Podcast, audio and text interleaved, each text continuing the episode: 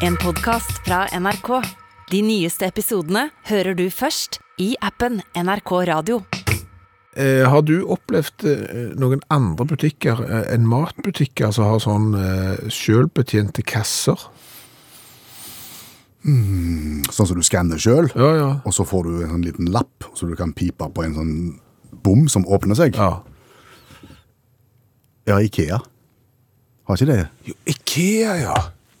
Dette har jeg gått og tenkt på i dagevis og ikke kom på noe annet enn matbutikker, og så har du Ikea, ja. Ja. ja.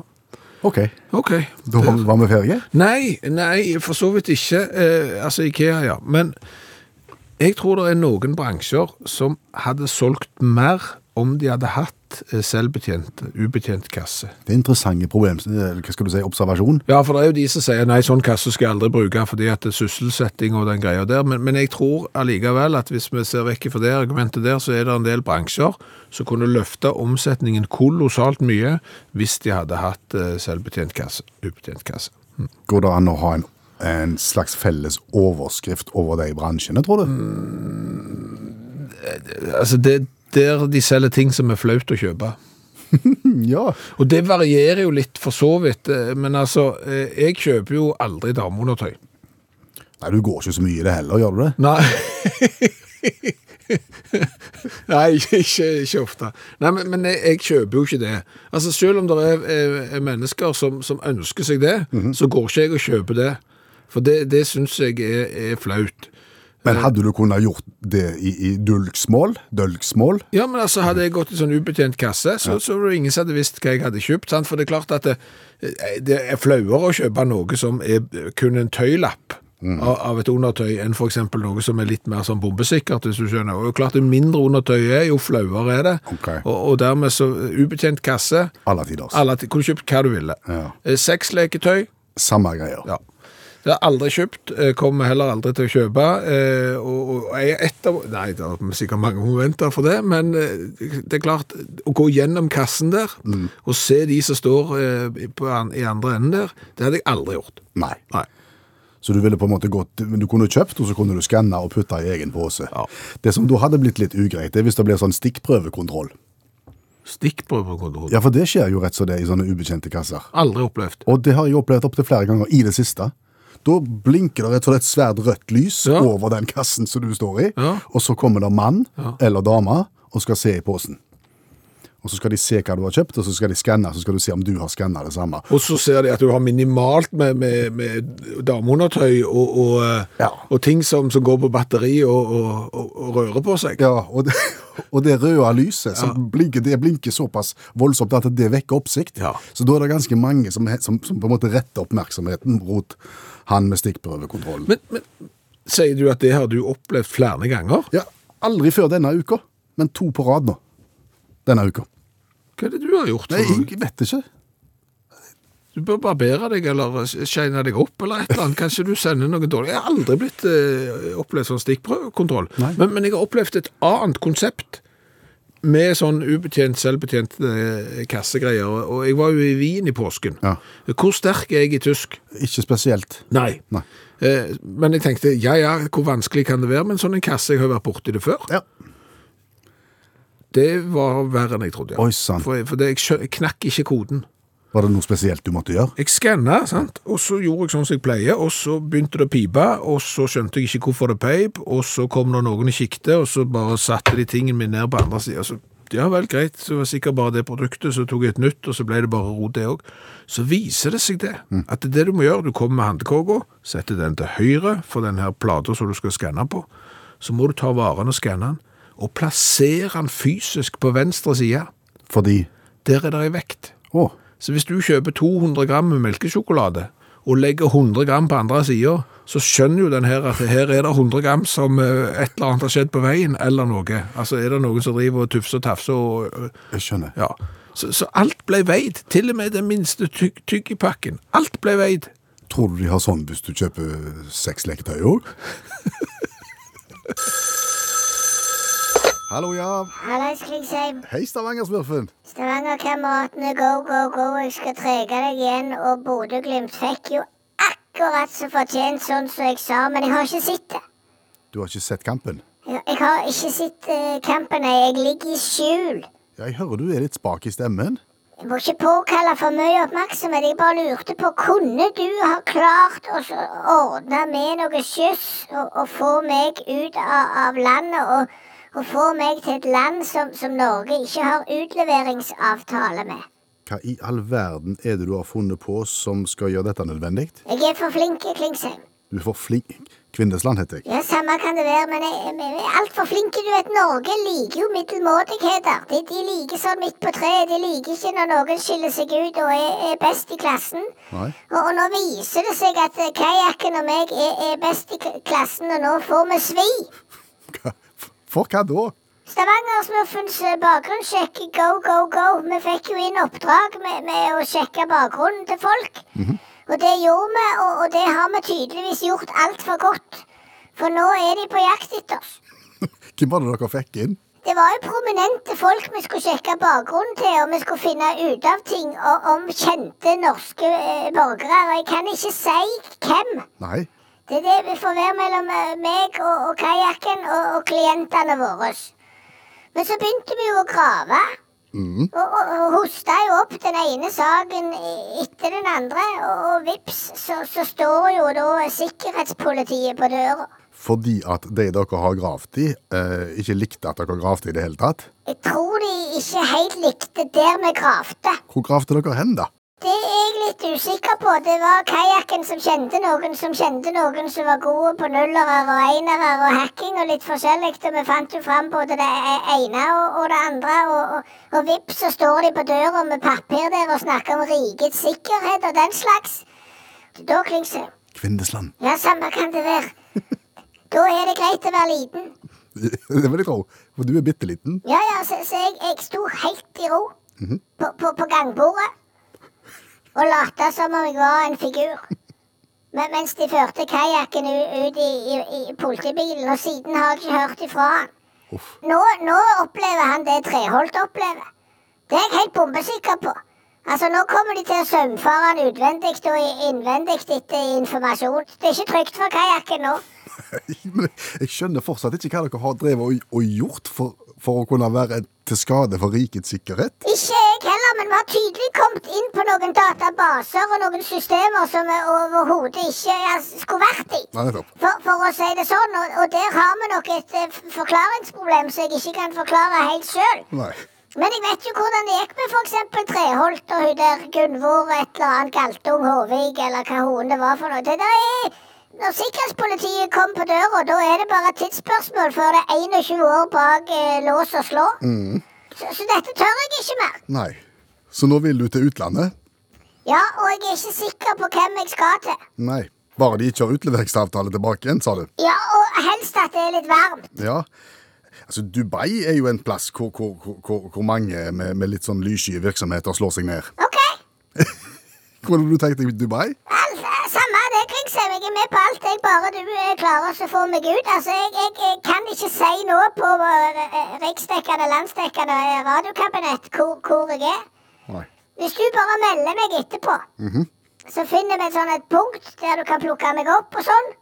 Og så skiper du meg av gårde. Du kan sende meg som pakke om du vil. Det samme det. Bare pass på så får hull i boksen, sånn at jeg får litt luft. Jeg skal klare det, eh, selv om det blir strabasiøst. Jeg, jeg kan ikke bidra til, til noe som ikke er lov. Ja, Der har du taco, Klingse. Altså, nå har jeg i årevis hjulpet det der middelmådige radioprogrammet som du, som du driver på med, og løfta det opp til, til en internasjonalt eh, suksesshistorie. Og så kan du ikke, når stjerna di sliter litt grann i motbakke, så kan du ikke være villig til å Ja, det er barmhjertig, sa representanten, du. Ja, takk skal du pike det ha. Sorry, sorry, jeg kan ikke si mer. OK. Men jeg håper, jeg, ønsker deg alt godt. Du skal se det ordner seg, dette òg, sa du. Å ja, se nå, ja. Så nå begynner du. Ønsker deg alt godt og sånn, men jeg gidder ikke hjelpe. For å si det sånn, det er ikke sikker du hører fra meg mer. Og lyttertallene dine kommer til å gå stupa ned, akkurat så Ja. Jeg håper det går bra. jeg. Ha det. Du og alle som hører på radio, tror jeg skal være sjeleglad for at jeg reiser såpass lite som jeg gjør. Med tanke på alt snakket det blir i, i etterkant, mener du? Ja, ja, ja. Ja. Men vi, hadde, vi snakket om det forrige mandag, og vi skal snakke om det i, i dag òg. Ja, vi var jo så vidt innom det for noen minutter siden nå. Ja. Men, men jeg var i Wien, blant annet, i påsken. Men, men det som var så fint da, eh, det var jo at et flyselskap som begynner på S, eh, det flyet tok av alt for sent fra den byen jeg bor i, sånn at når det da skulle lande i Oslo, så var jo flyet såpass forsinket at det flyet som gikk til Wien, det nådde vi jo ikke. Nei. Og i det øyeblikket du da eh, treffer bakken og kan skru på mobilen igjen, så tikker det inn en sånn en SMS fra flyselskapet. Dette her kommer ikke til å gå. Vi har booka deg om til en annen eh, flygning via København og fra København via, videre til Wien. Billettene ligger der og der og der og alt det der. Hvor lang tid, eller hvor mye senere ankom du Wien enn du skulle? Eh, nesten seks timer. Okay. Ja. Men da har jo flyselskapet allerede innsett at dette kommer ikke til å gå. De har lagt nye billetter, de har lagt en ny rute, de vet nøyaktig hvilket fly jeg skal på, tid det går, og tid jeg skal bytte til neste, og tid det går, og tid det lander. Dette har de full kontroll på. Ja. For det har de jo informert meg om, de har jo lagd lagt billetter. Vi har skjønt det. Så kommer du jo da til det punktet der du faktisk har et krav når du blir så eh, mye forsinket. Ja, da kan du melde inn krav til flyselskapet for å få en slags eh, refusjon. når, når det blir, hvor, hvor mange timer må det være? Eh, Det er fire, og så er det hvor langt du flyr og sånn. Lengden eh, har noe med saken å gjøre. Dette er de voksne i EU som har bestemt, og akkurat da er jeg veldig EU-tilhenger. Akkurat i det øyeblikket der. Ja. Men den informasjonen der, og når du skal melde inn dette, Ja. det er jo ikke spesielt tilgjengelig. Nei, da må du inn på en eller annen nettside som er vond å finne. Ja, og så må du skrive kolossalt mye av den informasjonen du allerede har flott, fått av flyselskapene når du var forsinket. Alle de SMS-ene de har fått, alle de der ombookingene og alt som de har informert deg om, det, det må du skrive inn selv på den nettsida. Når skulle jeg ha reist? Når reiste jeg faktisk? Når skulle jeg ha vært framme? Når kom jeg fram? Og hva heter flyet? Eh, nei, det begynner ikke med den koden der, har du nok tatt feil? Ja, men det er jo den koden jeg har. Nei, det er ikke den, og så videre. Og, og det er klart at når det er så lite tilgjengelig, og det er såpass vrient å, å fylle ut dette her, så er det nok mange som tenker, ja, jeg kom jo fram, Ja. så det er ikke så farlig. Nei. Det får bare være. Tenker du at i og med at de har sendt deg alle disse SMS-ene og alt, eh, at de har hele kontrollen, at dette burde de bare visst? Altså, dette burde jo gå helt automatisk. Ja. På samme måten som du booker deg om til et annet fly, så, så kunne du bare sagt, å ja, vi booker deg opp til et annet fly, du ble så og så mange timer forsinka. Da får du den refusjonen 1, 2, 3 ferdig.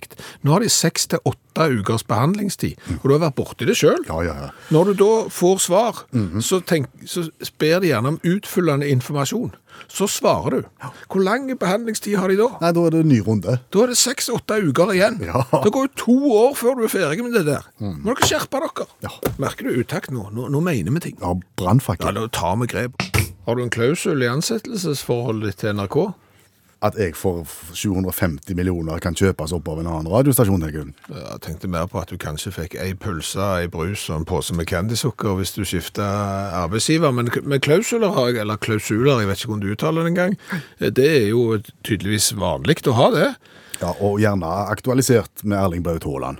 For han kan ikke selges for mer enn 750 millioner tusen eh, milliarder eh, kroner, og så skal han ha 14 milliarder i uka og et eller annet sånn. Og Kjetil Rekdal, han hadde lov til å gå til Rosenborg Molde fra HamKam, men ikke Viking. Alt dette står i klausuler, og jeg har ikke klausuler, jeg vet ikke hvordan jeg uttaler det, det er klausul. Nei. Det handler om forbehold i kontrakter som blir skrevet. Og allmennlærer med to vekttall i musikk, Olav Hove. Eh, Klausul eller klausul? Klausul. Klausul. Og det er mye å lære, føler jeg. Å. Jeg tenker jo egentlig at jeg har ikke så mye å lære av idrettsfolk, men eh, akkurat når det gjelder klausuler, så har vi det, føler jeg. Men, men lite forbehold. Det er viktig at det er jo sånn juridiske dokument. Det er litt viktig at du passer på at du må spesifisere ting i kontrakter. Og det er lite eksempel på det. I 1996 så gikk Giuseppe Reina til den tyske fotballklubben Armina Bielefeld. Han var på slutten av karrieren sin, men han var litt for stor stjerne for å spille for Armina Bielefeld. Da følte han sjøl, så han ville ha en klausul i kontrakten sin. I tillegg til lønn så ville han at for hvert år han spilte, spilte der, skulle han få et hus. Yes. Og så, og så skulle han slå seg opp på eiendom i Tyskland etter karrieren. God idé, sant? Ja. Men det var ikke spesifisert hva hus det var. Så i juni neste tre år så fikk han et stort og fint hus i Lego av Bielefeld. Der i For å si det sånn, da får du så fortjent. ja, det gjør du. Det gjør du. Men så har du smartinger. da. Eksempel Rolf Kristel Guillemien, kjenner du til han? Nei. Kongolesisk landslagsspiller. Rolf Christer. Rolf Kristel, ja. Interessant. Det er jo ikke en bakgrunn der. Det er noe et eller annet der. Men han gikk iallfall i 97 til Karlsruhe i Tyskland. Rett før han skulle gå til Karlsruhe, så fant han seg en, en pike som han ble forelsket i. Og gifta seg nokså kjapt med denne piken og tok henne med seg til Karlsruhe. Etter to år så ble han solgt til Eintracht Frankfurt, et steg opp. Og da sa han at eh, alt er greit, jeg skriver under, flotte lønn, men jeg må ha en liten klausul. At Kona mi må lære å lage mat, for jeg orker ikke dette her mer. Det gikk selvfølgelig Eintracht Frankfurt med på. Hun lærte seg tysk cuisine. cuisine. ja, så da var det bratwurst og currywurst og Ja. surkål og Og ifølge Rolf Kristel så var ikke hun fornærma i det hele tatt, med en nydelig klausul. Og så har du eh, Roy Oswald. Spilte sånn eh, slowball for, oss, for Houston Astros i 2006. I 2006 kjøpte han seg hytta i Weir i Mississippi. Fine hytter, men trengte drenering, ny vei, vedhogst. Det var en del ting der å ta tak i. da. Akkurat, eh, akkurat på den tiden skulle han også skrive ny kontrakt, da. og da var det sånn sluttspill. Eh, han fikk, han var ikke stjerne, så han fikk en million i årslønn. Men så sa han da at hvis vi nå går videre i sluttspillet, hvis jeg spiller godt, så vil jeg gjerne ha en klausul i kontrakten. Og det at jeg kan få en sånn allround-traktor inn i kontrakten. En slags eh, traktorens svar på allværsjakke. en kontraktor. Ja, en kontraktor. Og da utnytta han to ting. Det ene, han trenger han. Og det andre, Houston, det er en by. Jeg har aldri hørt om traktor, de vet ikke helt hva det går i. da. Så han, så han, eh, han sa at jeg har funnet en som passer, og den må ha oppfylle mine kriterium. da. De gikk videre, og han fikk seg allround traktor. eller det vil si, Han, skulle jo, han hadde funnet seg en med, med gravemaskinfunksjon og vekløyver, altså en bulldoser til to millioner kroner. Hadde en nydelig, helg, nydelig sommer på hytta. Fikk én million i Åsland og bulldoser til to millioner. Jeg har litt å lære. Ja, vi har det. Har, har du en klausul i, i Petroleumstilsynet om at du fremdeles kan få lov å komme og foredra oss utakt? Det har jeg. Ok. Det er, det er rørende å høre. Ja. Takk, allmennlærer med to vekttall i musikk, Olav Hoven. Er du klar for tapirnytt? Nytt om tapir. Ja. Du sier ikke papir. Nei, tapir. Det er jo et dyr som vi har likt eh, i lang tid, eh, fordi at hvis du sier ordet tapir fort, så høres det litt ut som papir.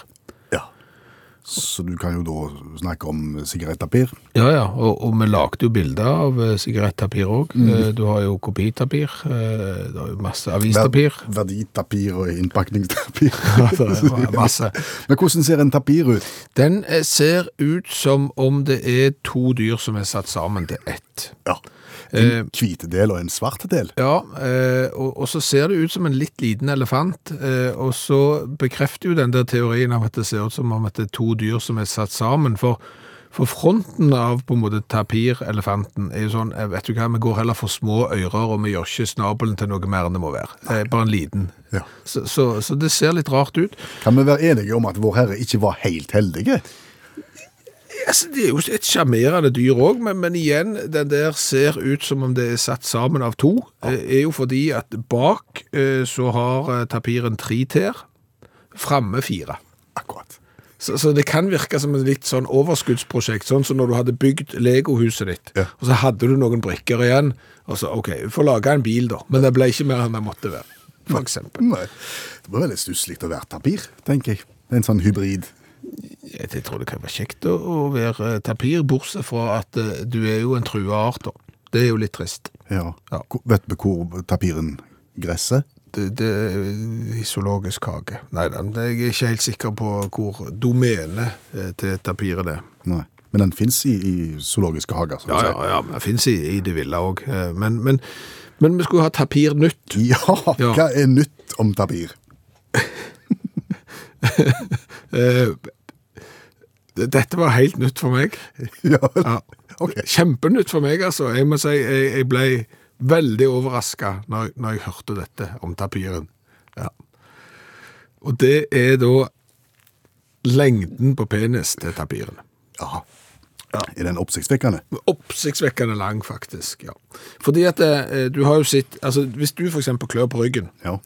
så klarer du å klø deg Et stykke. et stykke, men gjerne ikke overalt, og iallfall ikke tilfredsstillende. Nei, nei. Så har du sett noen dyr da, som, som jo ikke er skapt sånn som oss, med, med hender og sånn. Når de da sliter, så finner de seg gjerne en eh, bergknabb eller et eller annet. En, en trestubbe? Ja, eller- så står de og, og sånn. Tapiren, iallfall den mannlige, Ja. han kan bruke penis.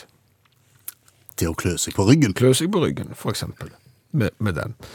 Og, nå har jeg lest uttalelser fra noen av de fremste tapirforskerne i, i verden. De bekrefter dette. De har annet observert at ta, tapiren har tråkka på egen penis og skreket ut i smerte. Akkurat. Og det kan du jo se for deg, når du, når du går der og plutselig så tror du på din egen. Oh. Det, det er ikke godt. Nei. Eh, men eh, og, og eh, penisen er jo så lang da for at han skal nå fram der som han skal, Ja. i, i forplantningsøyemed, og, og han har faktisk en egenskap til, OK. ja, ja, i tillegg til å være kolossalt lang. Eh, han har på en måte en gripende funksjon òg. Altså han kan ta tak og holde fast, på en måte. Han har flaps. Yes. Altså han har flaps helt framme.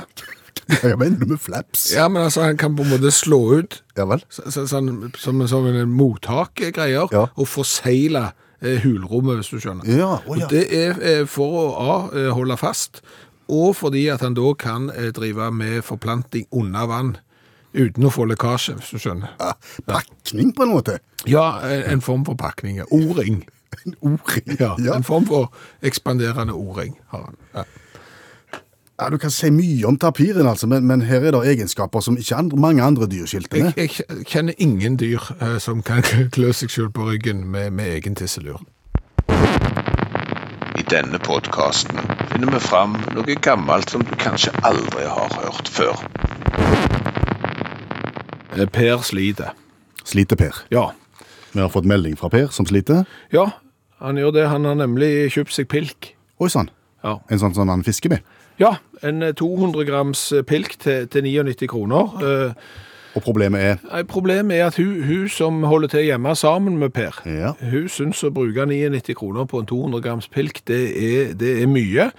Og, og Per føler seg jo sånn at han må eh, nesten inn i, Altså han har smugla inn framtidig fiskeutstyr, hvis du skjønner, fordi at han ikke kan stå for det han har kjøpt. akkurat. Ja. Og, og søker hjelp hos oss. Ja, han, han føler han mangler noen argumenter i redskapsboden, for å si det sånn. Har vi noen argumenter i kassen vår? Vi har jo det, eh, men Per lurer på om det går an å hente noe inspirasjon her i eh, leppestift- og neglelakksegmentet. Eh, Jaha. Fordi at det er produkter som hun som krangler på fiskeutstyret, gjerne går til innkjøp av? Ja, altså Per kjøper ikke leppestift. Ikke så han har stått frem, i hvert fall. Han kjøper pilk, Ja. eh, men eh, hun hjemme hun kjøper leppestift og, og, og neglelakk. Kan vi hjelpe noe i så måte?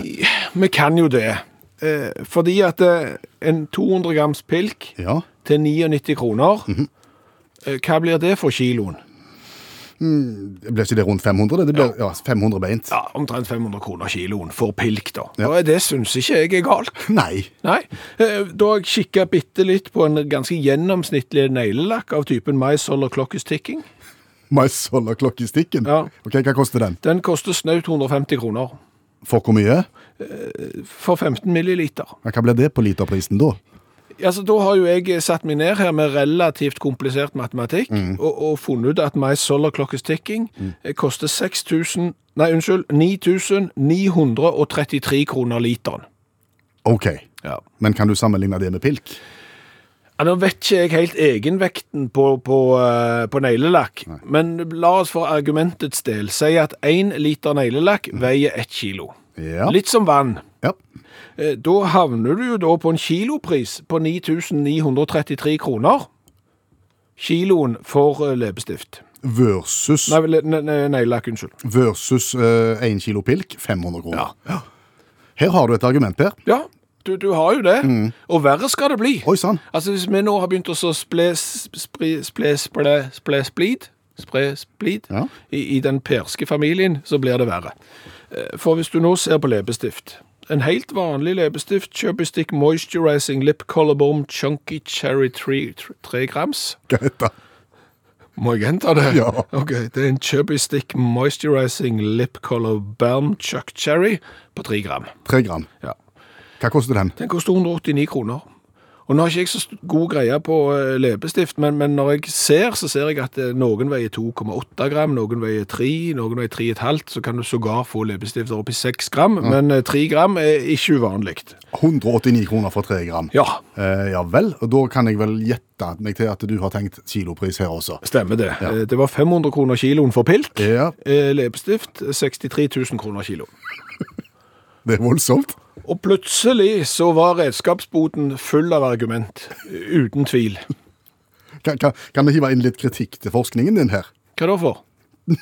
For, for å balansere litt. Grann, fordi at du kan ikke bare sette ting opp mot hverandre på denne måten, tenker jeg. Tenker du, ja? Tenker jeg, ja. For jeg tenker jo at Når du snakker om kilopris for eksempel, på leppestift, Ja, øh, og én leppestift veier 3 gram, ja. så får du altså 333 leppestifter på den kiloprisen der. Ja, det- det og det varer ufattelig lenge. Ja, Lenger enn en pilk, antageligvis.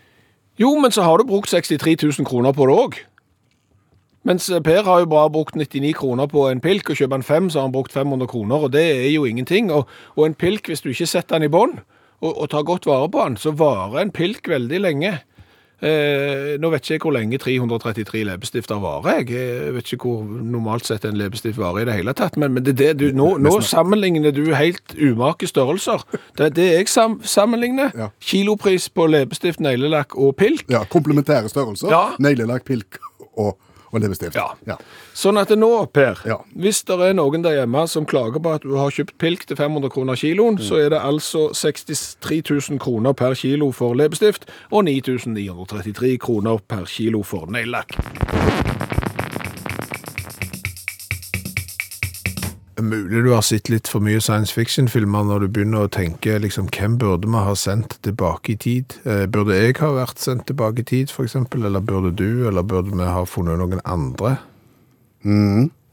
Jeg så en reportasje om den eh, Tilbake til fremtiden-bilen på TV her for ikke så lenge siden. Ja. Og da fikk jeg jo de sende tilbake i tid-tankene, ja. Ja, Nei, for- fordi det, det er klart at eh, sånn teknologisk, hvis du hadde blitt sendt eh, langt nok tilbake i tid, så tenker du at det der er jo kolossalt mye du kunne utrette da, som kommer fra liksom etter den industrielle revolusjonen og har fått med deg et eh, teknologisk gigantisk løft. Eh, hadde de sendt meg tilbake i tid, liksom, så kunne jeg fått vei i vellinga. Ja, Eh, bortsett fra at jeg begynte å tvile på at jeg kunne fått noe som helst i vellinga, faktisk. Selv om du med den kunnskapen du har nå Ja, men altså, jeg, jeg tenkte, hvis vi skulle sendt noen tilbake i tid, så, så er jeg ikke sikker vi skulle sendt meg, for eksempel. Fordi at, det, altså, jeg vet jo hva som finnes. Og jeg er jo relativt eh, teknologiske. Så, så jeg skjønner jo hvordan ting virker til en viss grad, men jeg kunne jo aldri lagt det. Nei, sånn, ja. Ja, Men du kunne jo kommet med ideen om det. Ja, men hva så? Altså, måtte, Altså, hvem skulle da lagt det? Altså, Hvis jeg eksempel dro tilbake i tid, la oss si eh, 200 år før bilen da ble oppfunnet, og så lanserer jeg da ideen om bil. Ja, hvordan virker den? Nei, det er noen sånne sylindere der, og så skal det smelle oppi der. mm, og så er det ingen som har Og så må du ha coil. ja, Altså, du- kunne du lagt coil? Jeg måtte jobbe en stund. Du, du kunne ikke, du vet, ikke hvordan coil virker. Nei. Så, så vi vet på en måte hva som finnes, men vi er jo ikke i stand til å, å bygge det. Nei, Og ingen av de rundt har jo noen som helst for- formening om hva du snakker om. Nei. Så det kan iallfall ikke hjelpe Nei. deg. Nei. så- og, og det samme jeg tenker, den oppvoksende slekt nå, de må du jo i hvert fall ikke sende tilbake igjen. fordi at det, jo, jo lenger du kommer i den der teknologiske utviklingen, jo, jo mer vet de om hva som finnes, men jo mindre vet de hvordan det er, er bygd opp, fordi at det er bygd opp over så lang tid. Ja, ja. Så, så vi har liksom ikke kompetansen til å bygge noe. Så jeg tror egentlig kanskje at de vi skulle sendt tilbake i tid, det er de som vokste opp for kanskje 100 år siden. Ja. Som, som kunne bygge noe, og så kunne vi sendt de tilbake i tid. Jeg tror jeg skulle klart hjulet. Hjulet kunne du klart. Ja, Det, det skulle jeg klart. Ja, men da måtte du reist kolossalt langt tilbake. Jo, jo, men det sa du ingenting om. Nei, nei, men altså, nå tenker jeg mer sånn eh, motor, eh, kamera, mobiltelefon, data, elektrisitet, liksom de der virkelig teknologisk, ja, hjulet er jo teknologisk kvantesprang for all det, men da kan du dra tilbake, og så kan du ta hjulet, så får vi finne med noen andre som kan ta, ta de andre tingene. Da har vi en plan. God dag og vel møtt til den vesle, men gode strekken vår. Legg nå fra deg det du holder på med, og kom så fort du kan, ja. Og vi starter med et lett svikthopp. Stå med beina sammen, slik. Hopp og sett føttene fra hverandre. Så. Hopp og sett føttene sammen igjen. Der. Og det var det hele, ja. Boksing har vi ikke mye greier på. Nei, vi har greier på mye, men ikke boksing. Veldig lite greier på boksing. Alle de for, forbundene på tre bokstaver og sånn, så alle begynner på W. Eh, Skjønner lite av det. Eh, Men eh, i helga, på lørdag, så var det da eh, boksekamp på Wembley i London. Utsolgt, tror jeg, 94 000 eh, mann som så at Tyson Fury og Dylan White eh, slåss. Ja. Det er ikke slåssing når Nei, du driver med boksing. Nei, men de, de bokset mot hverandre, eh, og, og Fury vant. 94 000. Ja. I tillegg til alle som så det på TV. Ja. Og den kampen kunne du i Norge se på PPV. På PPV. PPV. Hva er PPV for noe? Pay-per-view. Pay per view. Ja. Ja. At en betaler seg tilgang til den ene kampen, og så får en sett den. Hva er det med slåssing og pay-per-view? Nei, du spør godt. Altså, dette, dette her er et program som kommer til å gå inn i historien med, med at vi har satt fingeren på kolossalt mange viktige ting i dag. Sier du det? Ja. For, for har du opplevd noen gang at det har vært pay-per-view, altså at du kan betale for en enkel kamp i noe annet enn en slåssing? Nei. Altså, Jeg husker dette helt tilbake til Tysons i tid. Jeg så ikke det da heller, men, men da var det akkurat det samme. Du kunne betale penger, og så kunne du se på TV den ene boksekampen til Mike Tyson. Og Det ble jo dyre sekund, for han vant jo etter 13,5 sekunder og sånn, så var jo, gikk jo den kvelden òg fort over. Eh, Men jeg har aldri opplevd f.eks. at det er noen som har tilbudt ja, nå skal vi se bordtennis. Du kan kjøpe denne bordtenniskampen her for en hundrings, og så kan du se den. Eller andre idrettsgreiner. Nei. Og jeg tenker Hvis vi skal slutte å flåse, så kunne Ja. det vært utrolig kjekt hvis en hadde hatt den muligheten f.eks. For i forhold til fotball. Ja. For det koster jo en halv million Ja. å, å ha et, et abonnement på Premier League, f.eks.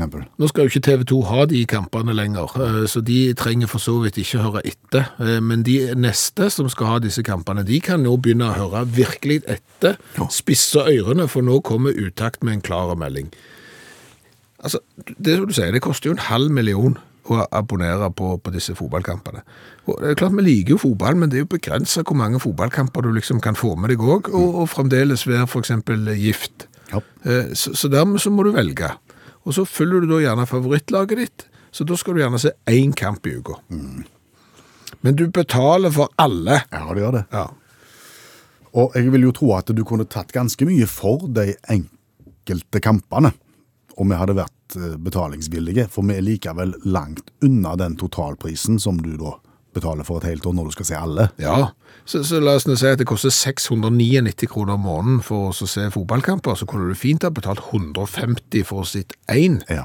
Og da er det ganske mange som ville heve seg på og sett den ene kampen, Ja. som ikke vil være med på den store pakken. Så, så hvorfor i all verden er er det bare de der eh, pay-per-view, den her eh, betalingsmåten her, bare slåssing? Det kan jo ha noe med å gjøre at det er på en måte begrensa antall slåsskamper. Altså, det, det er jo ikke Ja, du kan ikke abonnere på den ukentlige, det er ikke liga, på en måte. ukentlige slåsskampen. Nå på lørdag skal de slåss igjen. Ja. Ja, eh, slåss på bortebane, eh, og den endte uavgjort. Og så, Du skjønner? Ja. Så den, den, det er litt sånn der begivenhetsstyrt.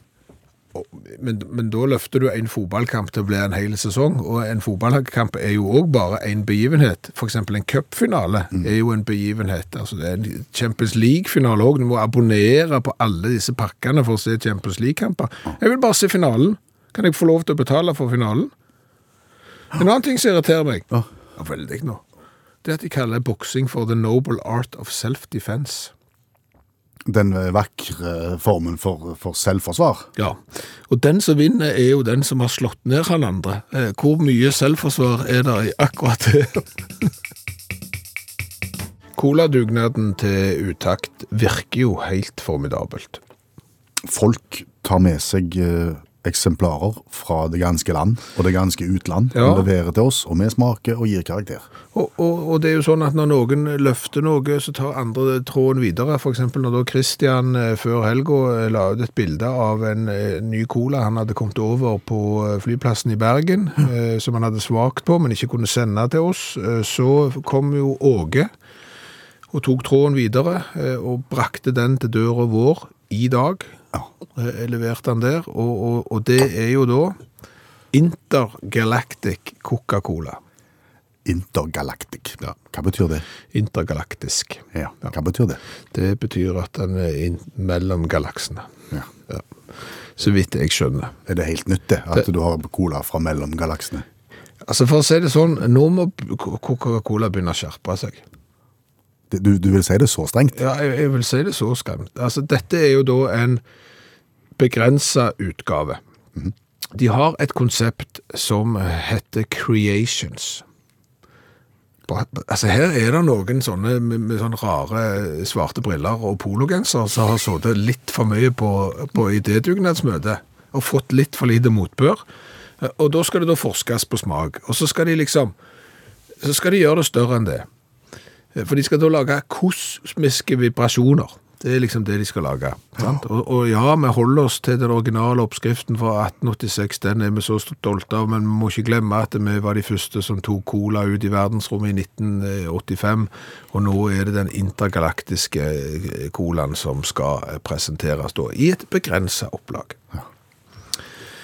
Men jeg spør igjen, jeg. Ja. Hva betyr det at det er intergalaktisk sånn rent smaksmessig? Overhodet ingen peiling, for hvis du leser på den her hva den inneholder for noe, så inneholder den gulrot og solbær. Oppi colaen? Ja, Ok, det er jo ikke spesielt intergalaktisk, det. Ikke så vidt vi vet om, i hvert fall. Men det kan jo hende at Coca-Cola vet ting som vi ikke vet om, om det livet som finnes der ute. At de er kanskje på en planet langt lagt vek- vekke, så er de sykt opptatt av gulrot og solbær. Ja, ja. For alt vi vet, så, så kan det være sånn. Vil du beskrive boksen? Den er lilla, halvliter, nei 033, Nei. 250 milliliter. og den er liten, ja. Det er en tullestørrelse. ja. Ja. Men den er lilla, og litt sånn, eh, hva skal du si, det er sånn fargespill i den, på et vis. Ja, han er litt sånn, eh, han er mer rosa på midten, litt lilla på toppen, og, og enda mer mørk lilla i bånn, litt sånn stjernehimmel. Ja. Ja, og så er han uten sukker. Og så skal vi smake på den. ja. Lyden er jo alltid god. Lyden er alltid god. Altså når folk har, eh, har boks, så er det bra. Den er ikke svart. Å nei, den ser ut som som husholdningssaft. Den ser ut som julebrus. Den er rød. Mhm. Ok. Fordomsbarometeret må vi null- nullstille nå. Går ikke. Lukter litt tutti frutti, egentlig.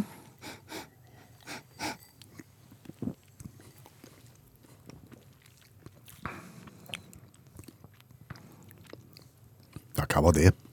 Det er iallfall ikke cola. Nei, nei. De kan være så stolte de bare vil av originaloppskriften fra 1886, men hva er det for noe rør? Da må du ikke besudle den med dette greiene her. Kjenner du en sånn en, eh, liksom, aim av kjøttkaker og, og, og gulrot, liksom? Du gjør ikke det? Kjøttkaker, Nei, altså, solbær, var det ikke det? Jo, jo, men altså, det er jo sånn gulrot. Altså, det er jo til middagen, det. Du kjenner ikke noe gulrot her? For meg så smaker det litt sånn når du har hatt en sånn tutti frutti-tygg så smaken er i ferd med å gå ut av. Litt, det som er litt igjen på slutten. Går ikke an å beskrive engang. Nei. Det kan være så intergalaktisk det bare vil. Eh, to i smak fra er undertegnede. Jeg orker ikke. Nei, Jeg, jeg, du må ikke bli historieløs nå. Nei, altså det er helt greit, men altså noen må sette foten ned og si at nok er nok. Altså Når store eh, globale selskaper driver og besudler verden med dette her, så får de null. De får null, ja. Ja. Nei, de får to av meg. Ja, det er greit. Og boksen, hvis du ser vekk fra innholdet, så er jo boksen tøffe. De, de, de har lagt penger i layout. Ja, de, de samme folka med pologenser og rare briller har sikkert hatt penger på bok til layout. Ja. Skal være enig i det. Jeg må gi dem en firer i layout, faktisk. Jeg er nødt til det. Så gir de seks poeng totalt. Nei, Det tar tre. Ok, da jeg er i sykt dårlig humør i dag. Jeg kjenner det ja, jeg, altså Bare tull og vas. Ni poeng. Det er ikke verdt ni poeng, den her. Du, vi er nødt til å snakke litt mer om eh, cola. Snakke litt om cola. Ja, og du kan snakke litt med meg om, om cola. Da gjør vi gjerne det. Hvis du vil. Ja. For, for, for hva er det som er i ferd med å skje her nå? Du tenker på at en, en doper den originale colaen med all verdens løgne greier? Altså, du har et produkt som folk liker, og som selger. Det er det ikke tvil om. For enten det er original cola, eller det er Pepsi, eller noen kopier rundt omkring i verden, så selger cola. Og så får jo disse herrene selskapene et eller annet sånn behov for at vi må sikkert selge eh, mer. Og, og da må vi gjøre noe. Så har du forandret oppskrift, og det har ikke funket, så går du tilbake til den opprinnelige oppskriften, og så får du litt, men så finner du på en god idé, kanskje vi skal ta vekk fargen, og så smaker ikke det så godt. Kanskje vi skal blande i noe. På colafronten nå, så er colaprodusentene i ferd med å gjøre verden om til verdens største barneselskap. Oi sann! Intet mindre. Ja, det er, brann, det, det, det er brannfakkel. Ja, altså, det, ryker av vann. Ja, men det er jo det. Freestyle-maskin, har du hørt om det? Nei, det høres ut som noen som er i en alpinbakke. Ja, det er ikke det, altså. Det er ikke noen som danser ballett på, på slalåmski med altfor lange staver. Det er, det er en eh, maskin der du kan blande brus sjøl. Blande på hvilken måte? Hvis du var i barneselskap og var fem år gammel, og foreldrene til, til den som har bursdag kommer rundt og spør hva du skal ha av brus, Ja, vil ha litt av det og litt av det. ja, så blander du sitronbrus, og så blander du Solo, og så tar du cola, og alt blir lysbrunt til, til slutt, og du synes det er kjempestas. Ja. ja. Sånn har verden blitt. Sier du det? Og en freestyle-maskin er jo da sånn at du kan gå bort med ditt beger, Ja. og så kan du trykke litt på den, og litt på den, og litt på den, og så lager du da en egen blandings. Og det har jeg opplevd eh, nylig, for jeg har jeg fortalt at jeg har vært ute og reist. Du har ikke vært i Østerrike, vel? I Jo, Wien? ja visst har jeg ikke vært i Wien. Og der hadde de en sånn freestyle-maskin. Så da kan du blande cola med Fanta, og du kan blande med vanilje og sherry og Ja, men, lime. ja, men det kan du jo gjøre overalt i dag òg, der, der det er forskjellige sånn dispensere på siden av hverandre. Da kan du jo ta litt av alle. Ja, det kan du, men, men dette her er mer profesjonelt, og det som iallfall i hvert fall skjer i USA, er jo da at selskapene, de logger jo hva folk forsyner seg av, oh, ja. og tar ut disse dataene, og ser at, å ja, ja, ja, men her er det ganske mange som har blant den med den med den. Og så tenker de, ok, hvis vi blander den med den med den, for det er det jo mange som har gjort i den maskinen, da kan vi kanskje selge mer av det. Men de glemmer jo det at folk er jo bare ute og eksperimenterer i et voksent barneselskap. Altså det De, er, de mener ikke alvor. Du gjør jo ikke det. I ni av ti tilfeller så, så, så mener du ikke alvor. Så, så det, verden er i ferd med å gå galt av sted. Ja. Altså, jeg tenker jo et sånt svært selskap som Coca-Cola. De vet nok litt om Hysj. hvordan de skal tjene penger og selge mer brus. Så de vet nok nøyaktig hva de holder på med, selv om gamle Skjæveland ikke setter spesielt stor pris på det. Første time av Utakt i kveld så hørte vi jo det at klaus... Jeg må prøve igjen. så Det er klausul. Klausul, Ja. eh, konsul, klausul og sul. eh, At eh, klausuler er- vanlig blant idrettsfolk å kreve overfor arbeidsgiver. Enten de vil at kona skal lære å lage mat, eller de vil ha seg en eh, kombinert gravemaskin og, og vedkløyver.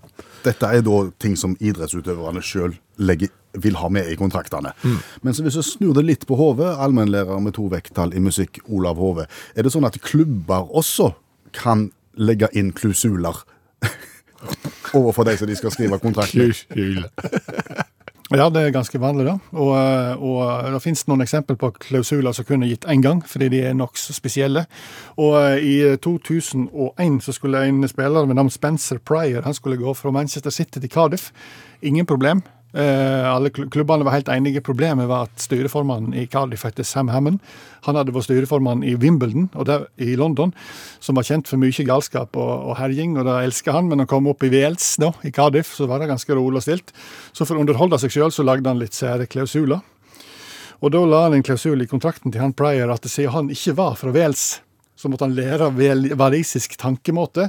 Og beste måten å gjøre det på, det var å ete eh, kulinariske ting fra, fra Wales, og da sau.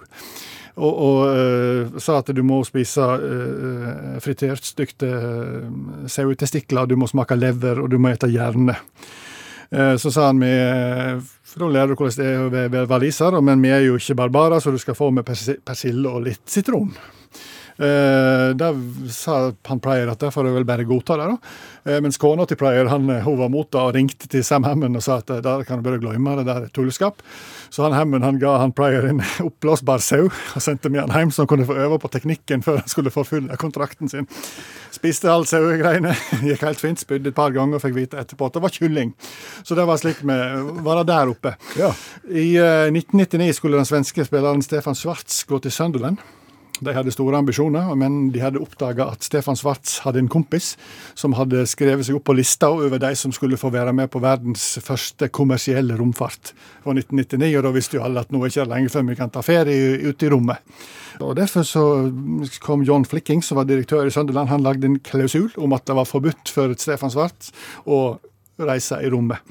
Altså eh, en, en kontrakt der det står romreiser eller andre aktive former for utenomjordisk aktivitet er forbudt. da.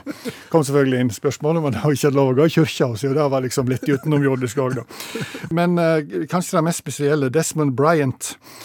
eh, Spilte sånn amerikansk fotball. Han var såkalt wide receiver. Det tror jeg som springer fryktelig fort. Han, han signerte for Dallas Cowboys i 2015. Det han gjorde egentlig ikke det. For han var utrolig flink, men hadde, for å si det mildt, et utsvevende liv. Eh, likte å ta seg inn eh, et glass eh, i gode venners lag. Og, så, ja, veldig flink å spille fotball. Enormt mye bedre på nachspiel. Så når han da ble skulle signere, så sa de at vi må sette oss ned, og så trenger vi noen klausuler her. Og, klaus, og da sa han selvfølgelig jeg er innstilt på det her, og, og første klausul er at du, eh, du må ha en viss diett. Vi må bestemme hva du skal ete til enhver tid. OK, ja, men det er greit. Du kan ikke drikke alkohol i det hele tatt. Nei, men det, det er greit, sa han. Det er helt i orden. Du må legge det før tolv. Hver dag. Ja, nei, det, det var han var innstilt på det. Vi må ansette én mann som passer på at du gjør alt det her. Ja, nei, nei, det er klart, ingen problem da.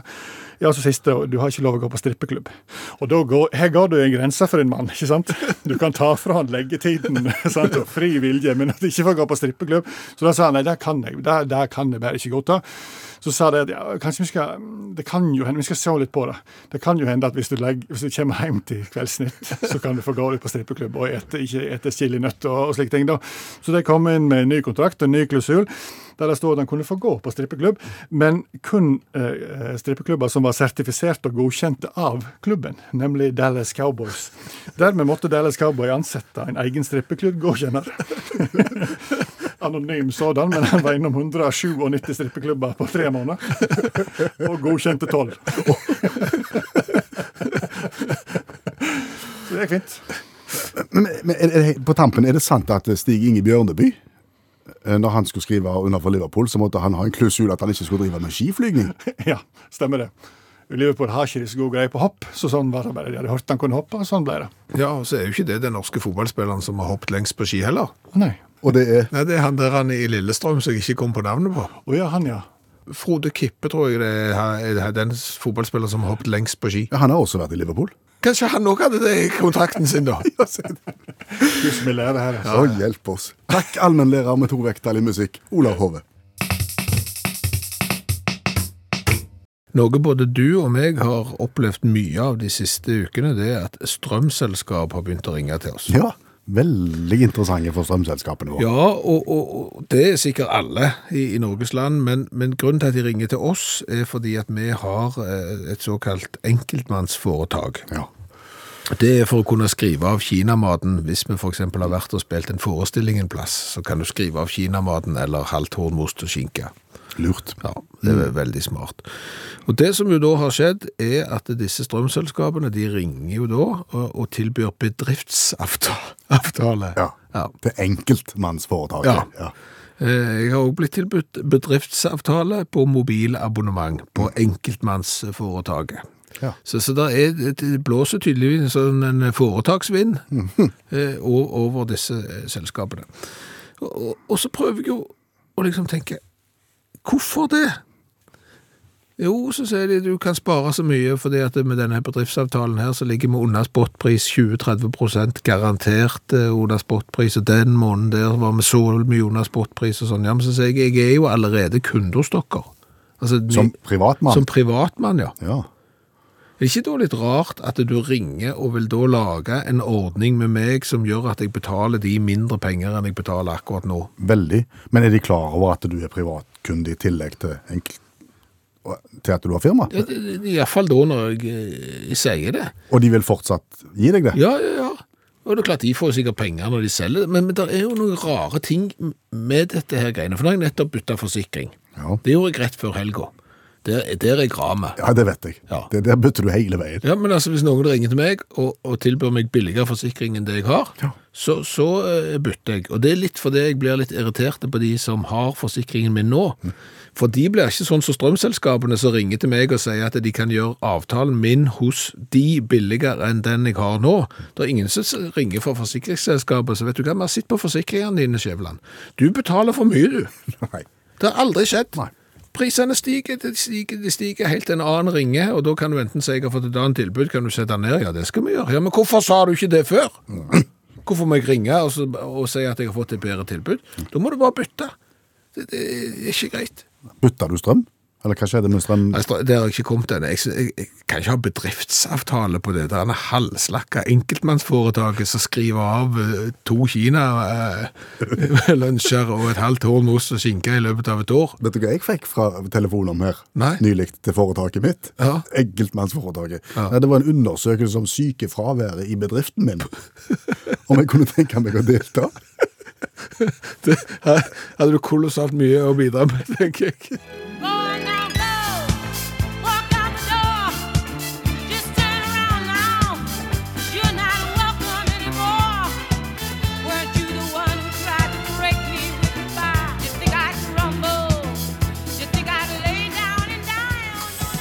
Klassisk for Gloria Gaynor. Denne sangen kan du, Skjæveland. Den kan jeg eh, spilte den på fredag eh, kveld på julebord. Ja, du opptrådte på julebord. Ja, ja. Forsinka sådan. Julebord på, eh, i, i, i april, og, og det som er kjekt med I Will Survive, Ja. det er at den blåser jo liv i the noble art of polynese. Å ja, da begynner folk å gå i, i formasjon. Ja, fordi at den liksom I will survive Så er sangen ferdig, liksom. Så kan du begynne sånn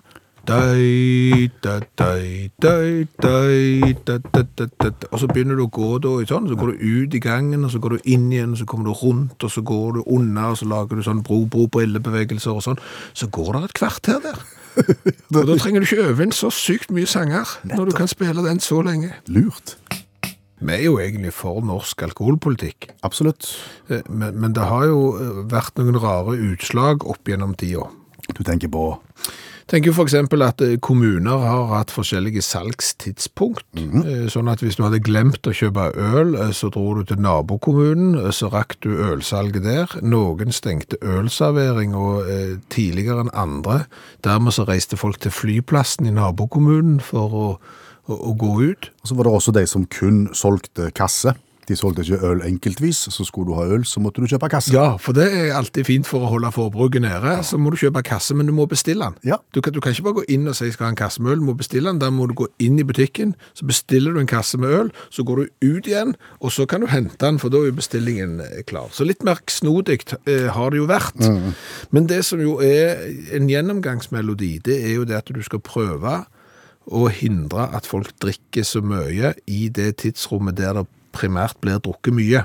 Ja, og gjerne i forbindelse med, med fri og høytider. Ja, så derfor så er jo eksempel ølsalget på lørdagene stenger jo tidligere enn ølsalget andre dager. Ja.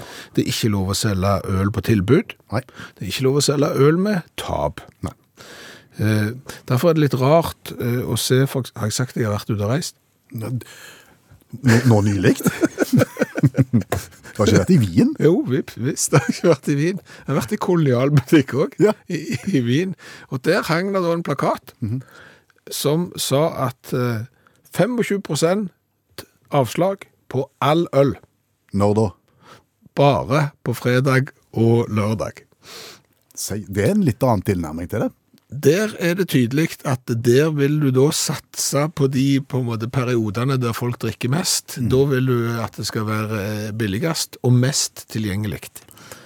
Jeg vil jo tro at helsestyresmaktene i, i Østerrike har samme mål for reglementene sine, som, som de norske. Ja, men så det det- er utrolig rart at en ser det på så ulikt vis. Ja, eller så kan det jo hende at østerrikerne er litt annerledes skrudd sammen enn eh, nordmenn. At de ikke må vinne russeknuten selv om de er blitt 50 år, eh, hver fredag og lørdag det det? At de, at de kanskje klarer seg med, én en enhet eller tre.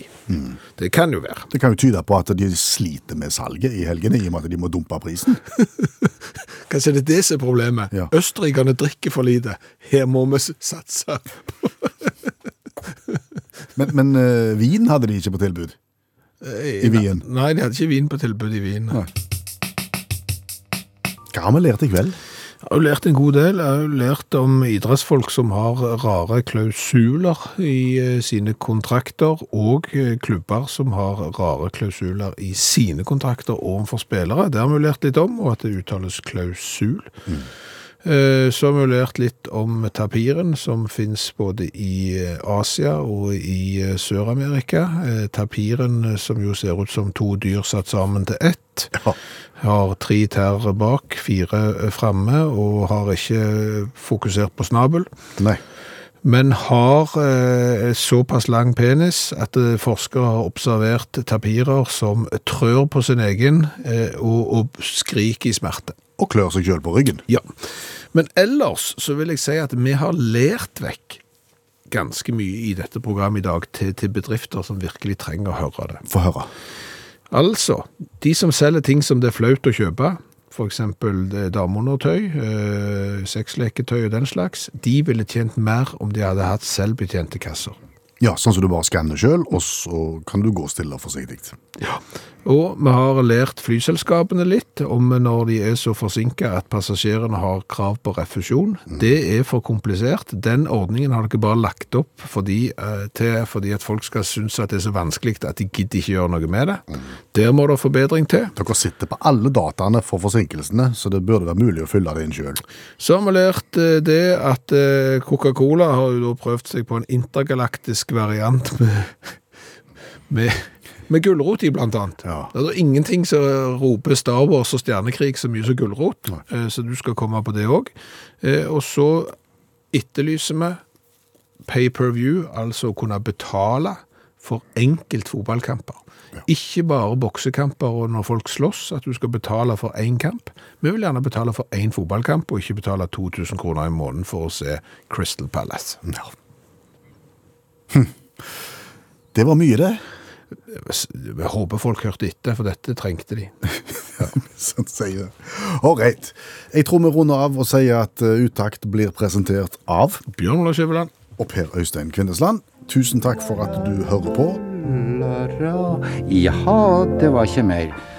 Sett nå kaffekjelen over og slapp av, og kos deg litt. Takk for nå. En podkast fra NRK. De nyeste episodene hører du først i appen NRK Radio.